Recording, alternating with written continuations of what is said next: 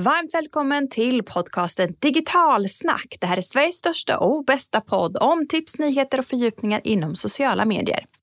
I det här avsnittet får ni höra TikToks nordiska kommunikationschef Parisa Khosravi berätta om möjligheterna med TikTok.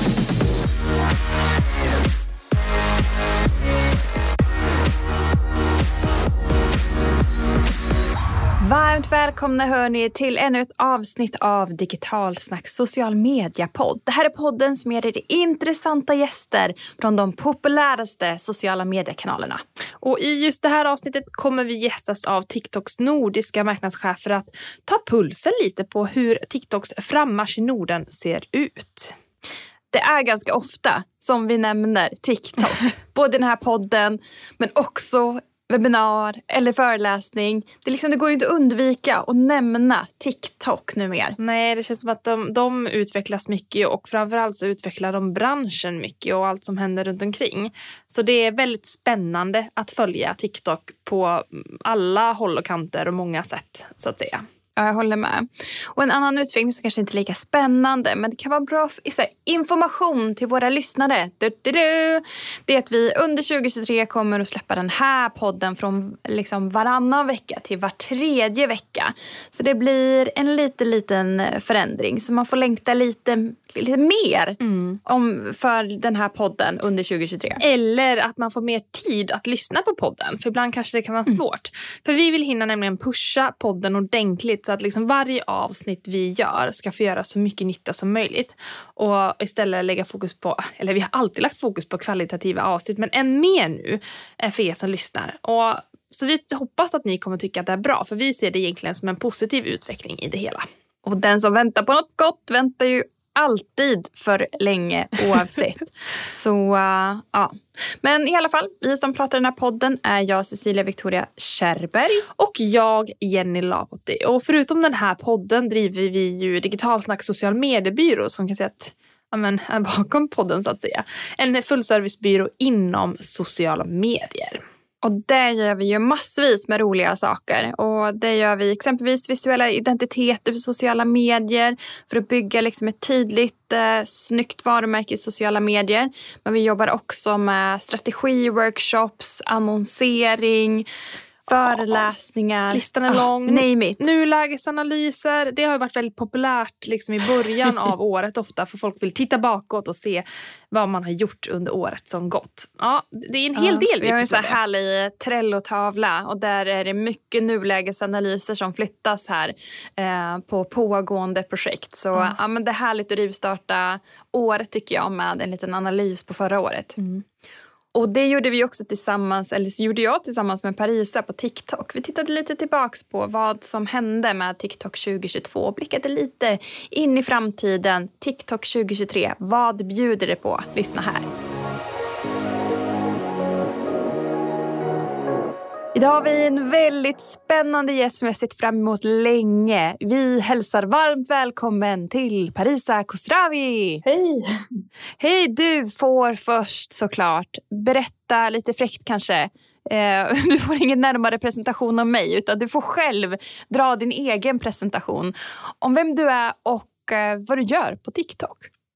Eh, jag är kommunikationschef på TikTok och är ansvarig för den nordiska marknaden. Och eh, rollen den är rätt bred. Jag jobbar ganska nära i princip alla avdelningar på TikTok och vad min roll är beror helt och hållet på vart vi är i vår tillväxtresa i, i, till stor del. Så vissa dagar kan det handla om mycket så här, produktanalyser och riskanalyser. Andra dagar kan det vara mycket strategi och rådgivning och sådär. Um, så ja, det är det jag gör i, i supergrova drag. Men du, riskanalys, är det mer det inför 2023 och det här året än vad det varit innan skulle du säga? Känner du av att världen är lite mer orolig?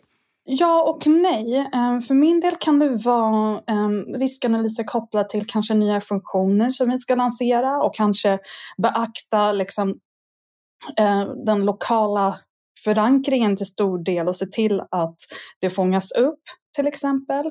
Um, och det finns ju en del liksom, nyanser i det som jag brukar eh, bidra med till stor del. Men vi ser inte några större risker liksom, i i förhållande till oro i världen på så vis, utan snarare att vi vill fånga upp det folk känner och upplever och tycker och tänker i hur vi utvecklar vår app.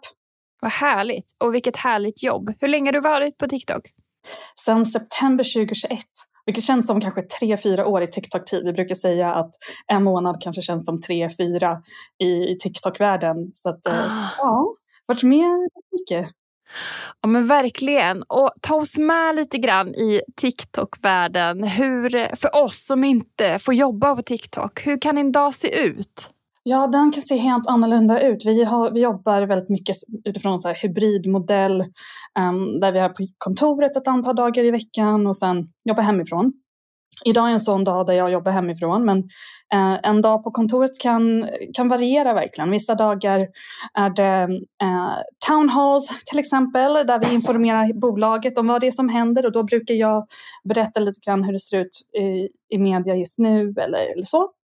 Eh, och ibland åker vi ut och träffar eh, redaktioner till exempel, eh, träffar en del partners också som är intresserade av TikTok och, och bygger upp sådana typer av samarbeten. Så det, det, är mycket som händer eh, på, på TikTok numera. Mm. Och Det känns som TikTok är på tårna mer. I och med liksom etableringen på den nordiska marknaden så ser vi ju att TikTok exempelvis använder andra sociala kanaler för att prata. Det kanske vi inte har sett innan. Eh, så jag tycker verkligen att ni på TikTok är duktiga på att vara ute och kommunicera med liksom allmänheten.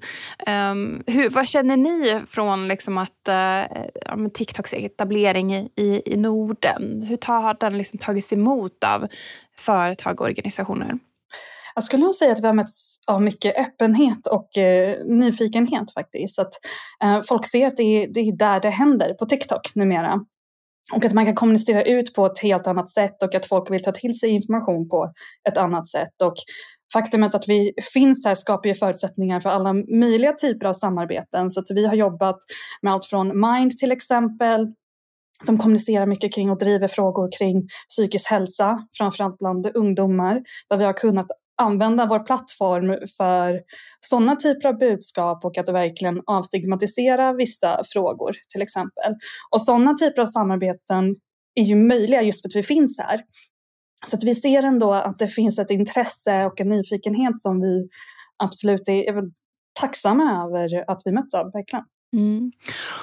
Och det är sällan det går någon dag som man tänker, pratar eller hör om TikTok. Och mycket kan vi kanske tacka pandemin för. Eh, att det var så många runt om i världen som var så sjukt uttråkade att TikTok blev en plats där man kunde liksom umgås, dela med sig av olika challenge.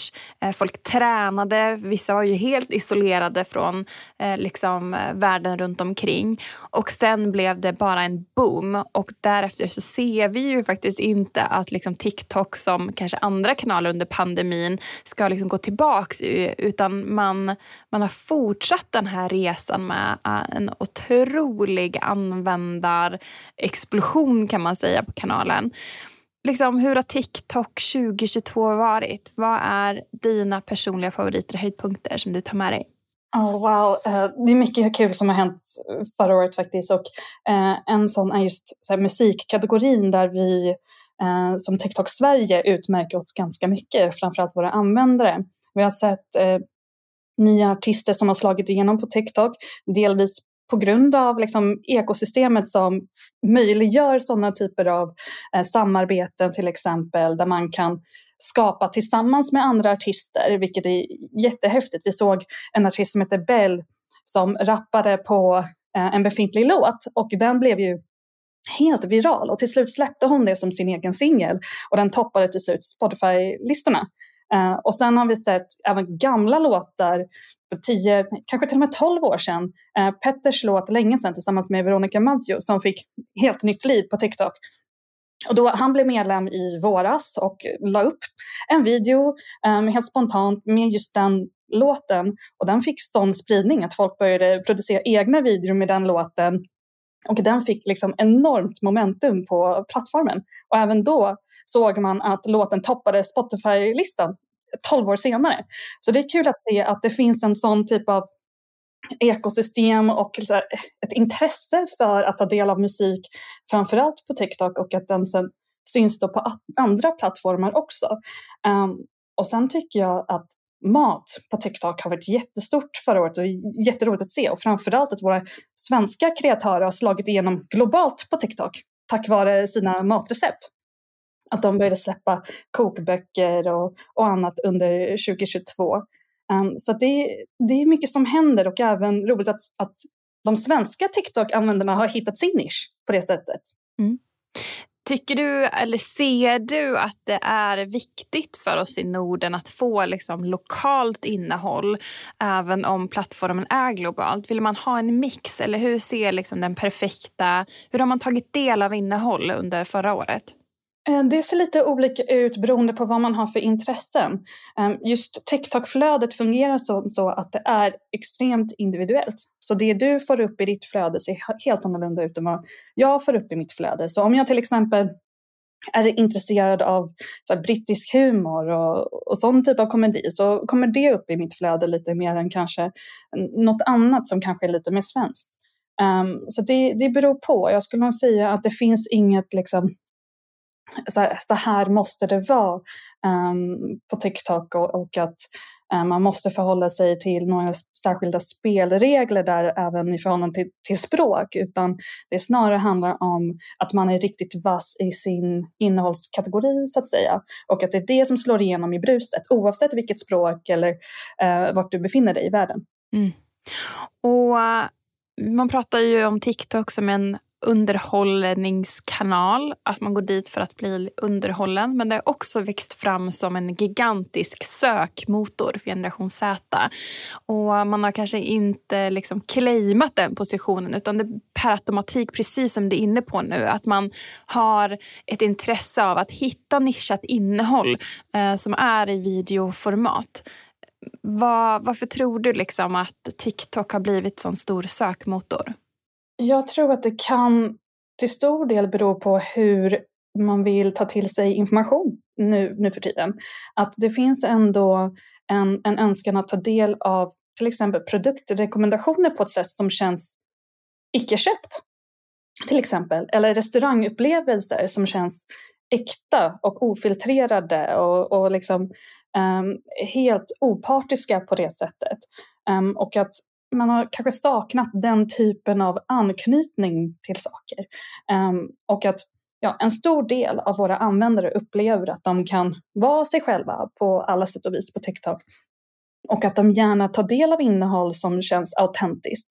Uh, och med det sagt så kanske man kan ändå se att det finns en, en längtan efter att få information på det sättet snarare än att det ska vara svart och vitt eller, eller så, utan att man gärna vill att det ska kännas personligt. Mm. Så det, det tror jag kan vara kanske anledningen till att just att den har exploderat i den bemärkelsen faktiskt. Mm. Och du pratar ju mycket om att vara autentisk och liksom eh, skapa äkta innehåll. Och där är ju oftast lite mindre varumärken eller bättre på det. Eller de vågar kanske ta för sig lite mer på TikTok. Exempelvis är det ju vanligare kanske att hitta bra content från den liksom, lokala Coop-butiken än än Coop Sverige generellt sett. Eh, hur kommer det sig, tror du, att de större varumärkena har haft svårare att göra en strategi och etablera sig på TikTok medan användarna har ju liksom strömmat till, till TikTok? Jag tror att det kan bero på att vi är den nya plattformen och att det kan kännas lite läskigt att komma igång och att det kanske finns förväntningar på hur man ska kommunicera och marknadsföra sig på TikTok. Och där vill jag ändå säga att i och med att plattformen bygger så mycket på att det ska vara personligt och ofiltrerat så kan man ändå ha det med sig när man kommer igång och inte känna att det finns en, en, förväntan att man ska producera på ett särskilt sätt eller att det ska finnas en hög produktionsnivå heller på, på de annonserna som man kommunicerar ut. Så till exempel skulle man kunna använda befintligt marknadsmaterial och återanpassa det och liksom ja, men se, se man kan finslipa det ut efter TikTok-formatet utan att man behöver skapa ett jätteprojekt kring det för att komma igång. Och samtidigt vill jag också ändå säga att i och med att algoritmen fungerar så som den gör så kan det också kännas lite betryggande. Och det jag menar med det är framförallt att innehåll som du producerar och eh, publicerar kommuniceras ut till personer som framförallt är intresserade av den innehållskategorin.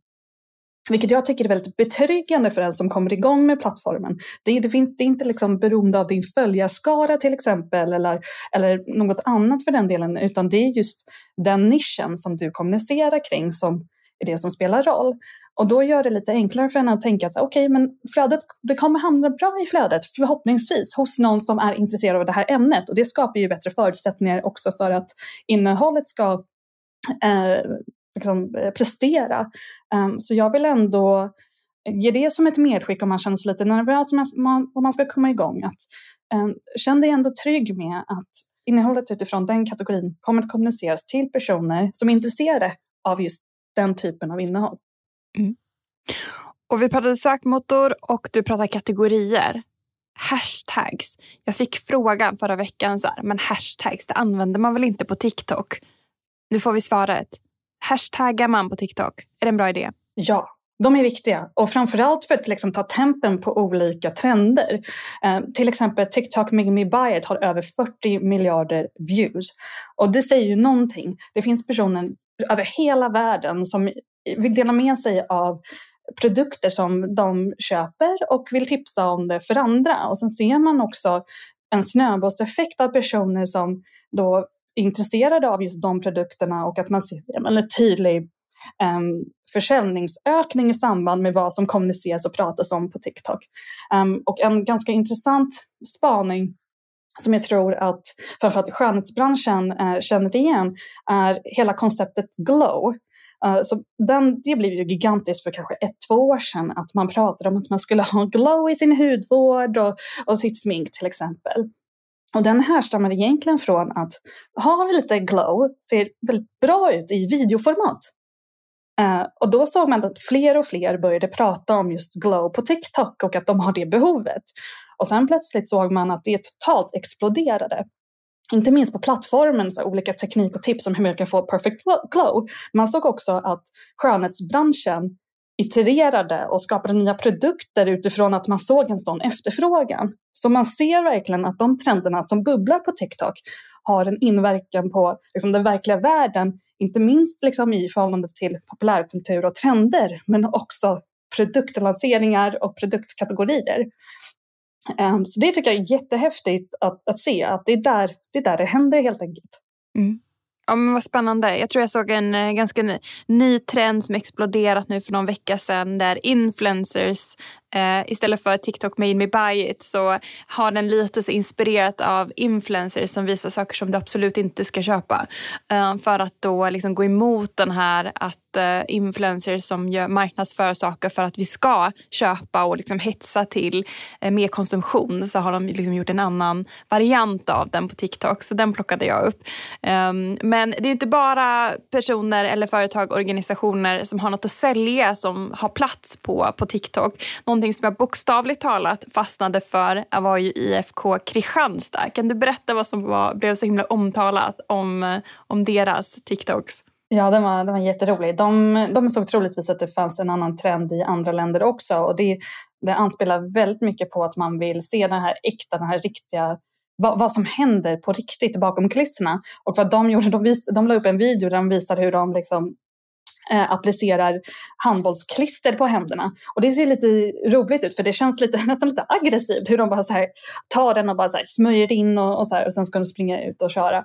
Um, och den fick enormt spridning på plattformen och det är till stor del för att Många vänder sig till TikTok för att lära sig nya saker och även få inblick bakom kulisserna vilket är ganska roligt. Och det, det, har varit en sån röd tråd i många av de här trenderna att att det finns ett intresse för att se saker som det verkligen är och att ta del av upplevelser man kanske inte tar del av i verkliga världen eller de insikterna man kanske um, hittar på ett eller annat sätt i den verkliga världen utan man, man får se en helt annan sida helt enkelt av liksom, människor, um, jobb eller intressen och, och folk som verkligen nördar ner sig i vissa ämnen. Så det är kul att se.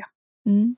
Om det över förmodan är någon som lyssnar på den här podden som ännu inte laddat ner ett eh, liksom, TikTok-konto eller TikTok-appen och gjort ett konto.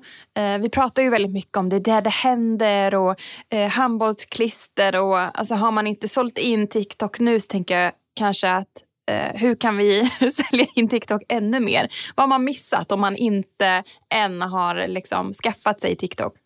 Jag skulle nog säga att man borde känna lite FOMO eh, oavsett om man är en, en person eller varumärke som um, funderar över om huruvida de ska ladda ner TikTok. För man får ändå en inblick i vad folk verkligen tycker och tänker just nu.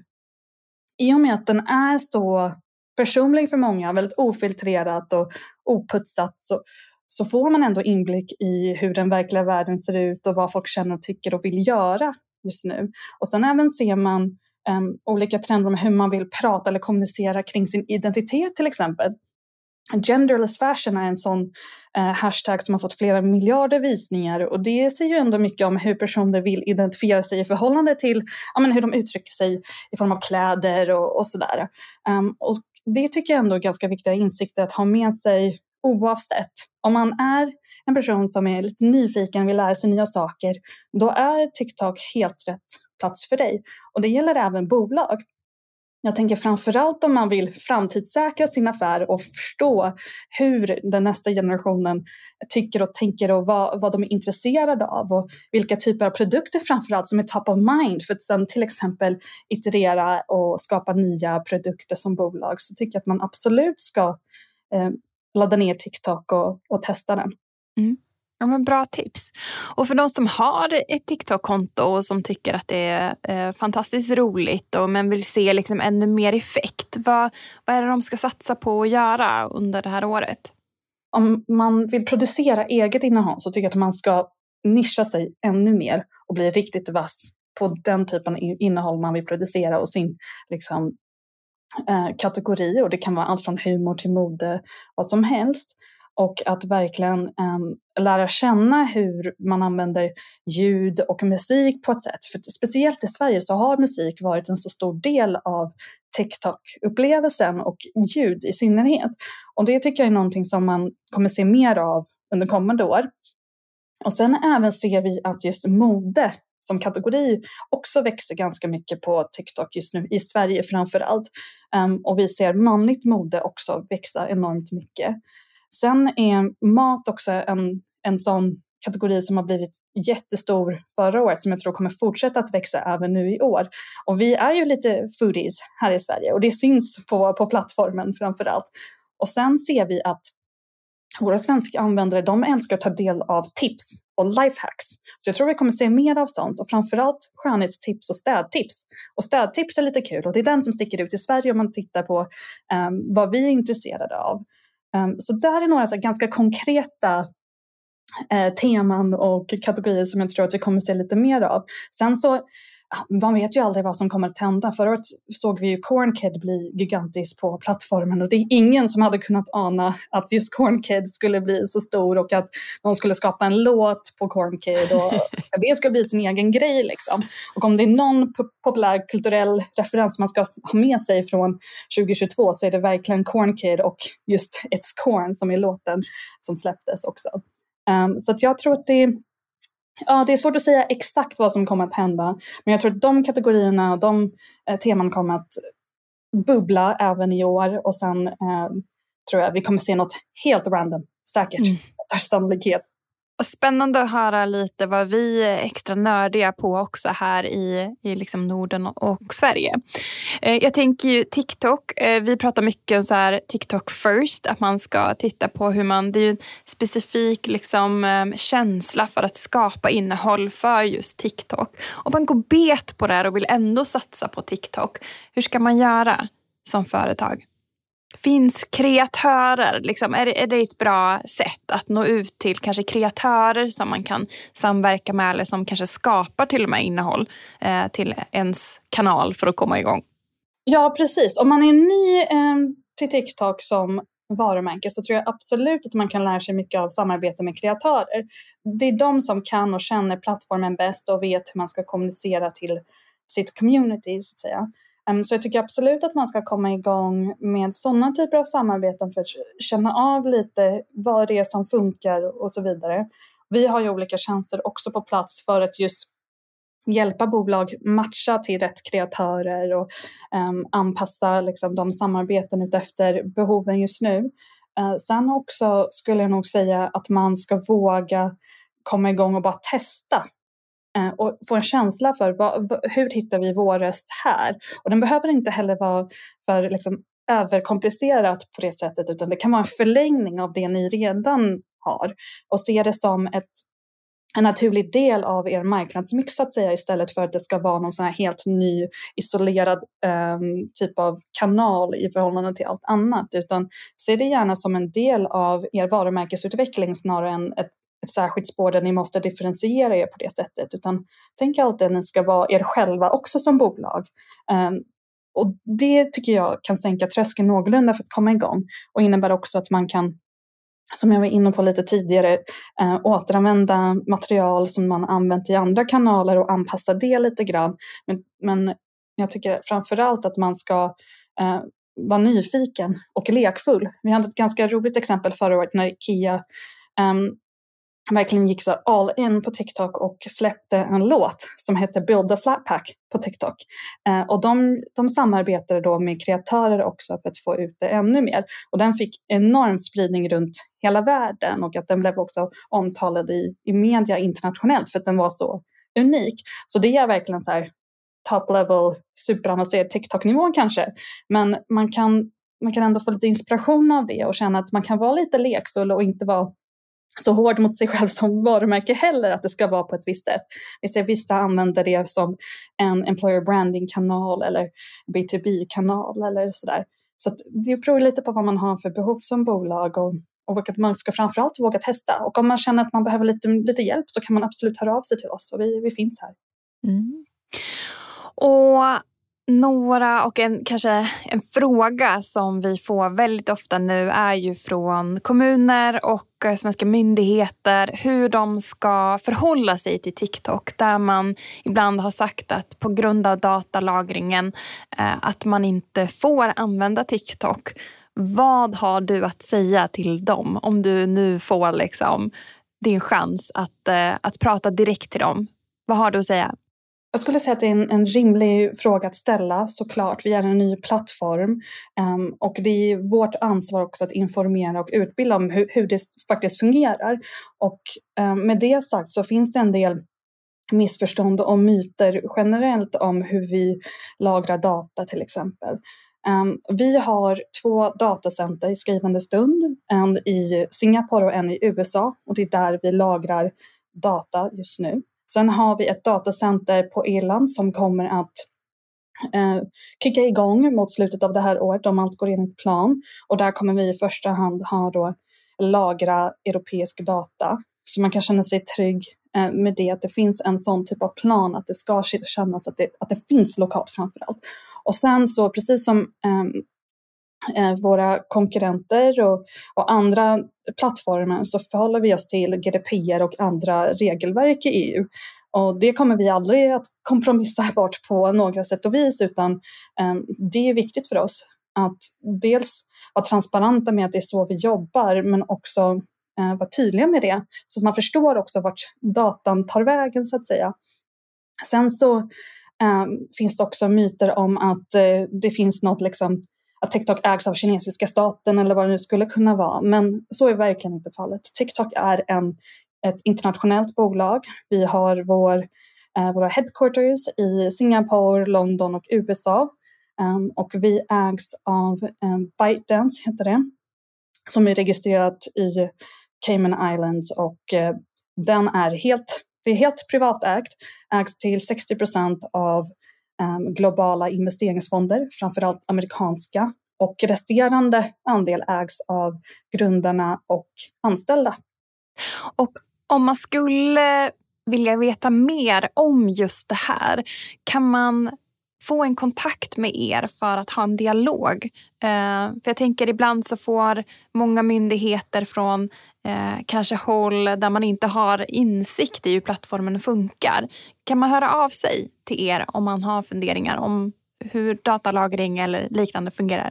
Ja, absolut. Mer än gärna. Och vi tar jättegärna den dialogen. Det är som sagt vårt ansvar att vara transparenta med hur vi jobbar, framförallt med säkerhetsfrågor. Och också att den informationen är tillgänglig och um, lättbegriplig så att säga för alla att kunna ta del av och uh, smälta.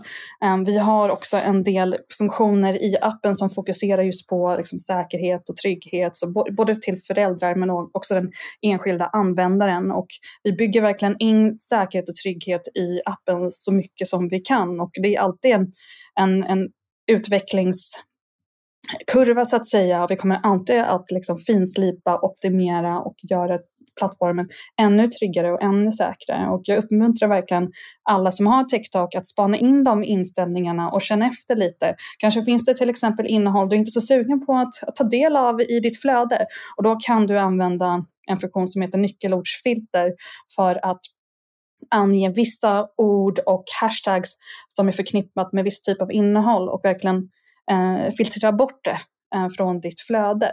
Så det är sådana typer av lösningar som finns idag på plats också för att även säkra upp användarupplevelsen i appen. Och det är vi väldigt stolta över. Mm. Vi har pratat mycket nu om ja, data och integritet och så här, inställningar och det ligger ju väldigt mycket i tiden. Men om vi ska träffas här om ett år igen, Parisa, vad är det vi kommer att prata om då tror du som har hänt på TikTok under 2023? Jag tror att vi kommer prata om hur ännu fler äldre målgrupper har anammat TikTok och gjort det till sitt eget så att säga. Jag tror att vi kommer se fler i alla åldrar på TikTok, och framförallt i Sverige, som eh, blir så kallade TikTok-kreatörer slash influencers. Eh, för det jag tycker har varit framförallt häftigt med TikTok är att den verkligen utmanar den här traditionella synen på vad en influencer är. Um, oftast har man sett att influencers ska se ut eller prata på ett visst sätt och, och så vidare. Men så är det verkligen inte på TikTok, utan vem som helst kan vara en gigantisk kreatör. Du kan vara hundtränare, du kan vara hobbykock eller liksom, man kan vara precis vad som helst och ändå slå igenom så stort för att man är precis som man är. Att det är liksom inga förväntningar på att man ska vara på ett visst sätt. Så jag tror att vi kommer se ännu fler uppstickare från Sverige som verkligen utmanar den här traditionella synen på influencers. Ehm, sen tror jag att vi kommer att se kanske fler föräldrar på TikTok um, som förhoppningsvis har börjat använda våra family pairing och lite andra funktioner för att man ska känna sig trygg som förälder. Um, plattformen att, liksom, att sina tonåringar um, förstår och vet hur de ska förhålla sig till den digitala världen generellt. Vi jobbar extremt mycket med att bygga ut TikTok um, så att det känns tryggt för alla, oavsett vem man är. Att man känner att man kan känna att användarupplevelsen är positiv. Ehm, så jag tror förhoppningsvis så kommer vi se fler som ser detta i år och även um, tycker att det är liksom bra, positivt det är, det är lätt att, eh, att se plattformen enbart som en, en underhållningsplattform och det tycker jag är jättebra. Och samtidigt från vårt perspektiv så är det viktigt att vi också är tydliga med att vi tar ett ansvar för det och att vi vill att användare känner sig trygga på plattformen. Så förhoppningsvis så kanske blir det eh, mer snack om det helt enkelt. Jag hoppas det. Jag tycker det är bra att vi pratar om det. Vi får se helt enkelt. Jag tänker att vi, jag lämnar en en eh, liksom inbjudan här eh, till nästa år att eh, återkoppla och titta på TikTok-året 2023. Stort tack Parisa för att du var med i Digitalsnacks social media-podd. Tack för att jag fick vara med. Tack för att ni har lyssnat på det här avsnittet av Digitalsnacks social mediepodd. Och följ gärna den här podden på exempelvis Spotify så får man ju lyssna en dag före alla andra. Tack och hej! Tack och hej!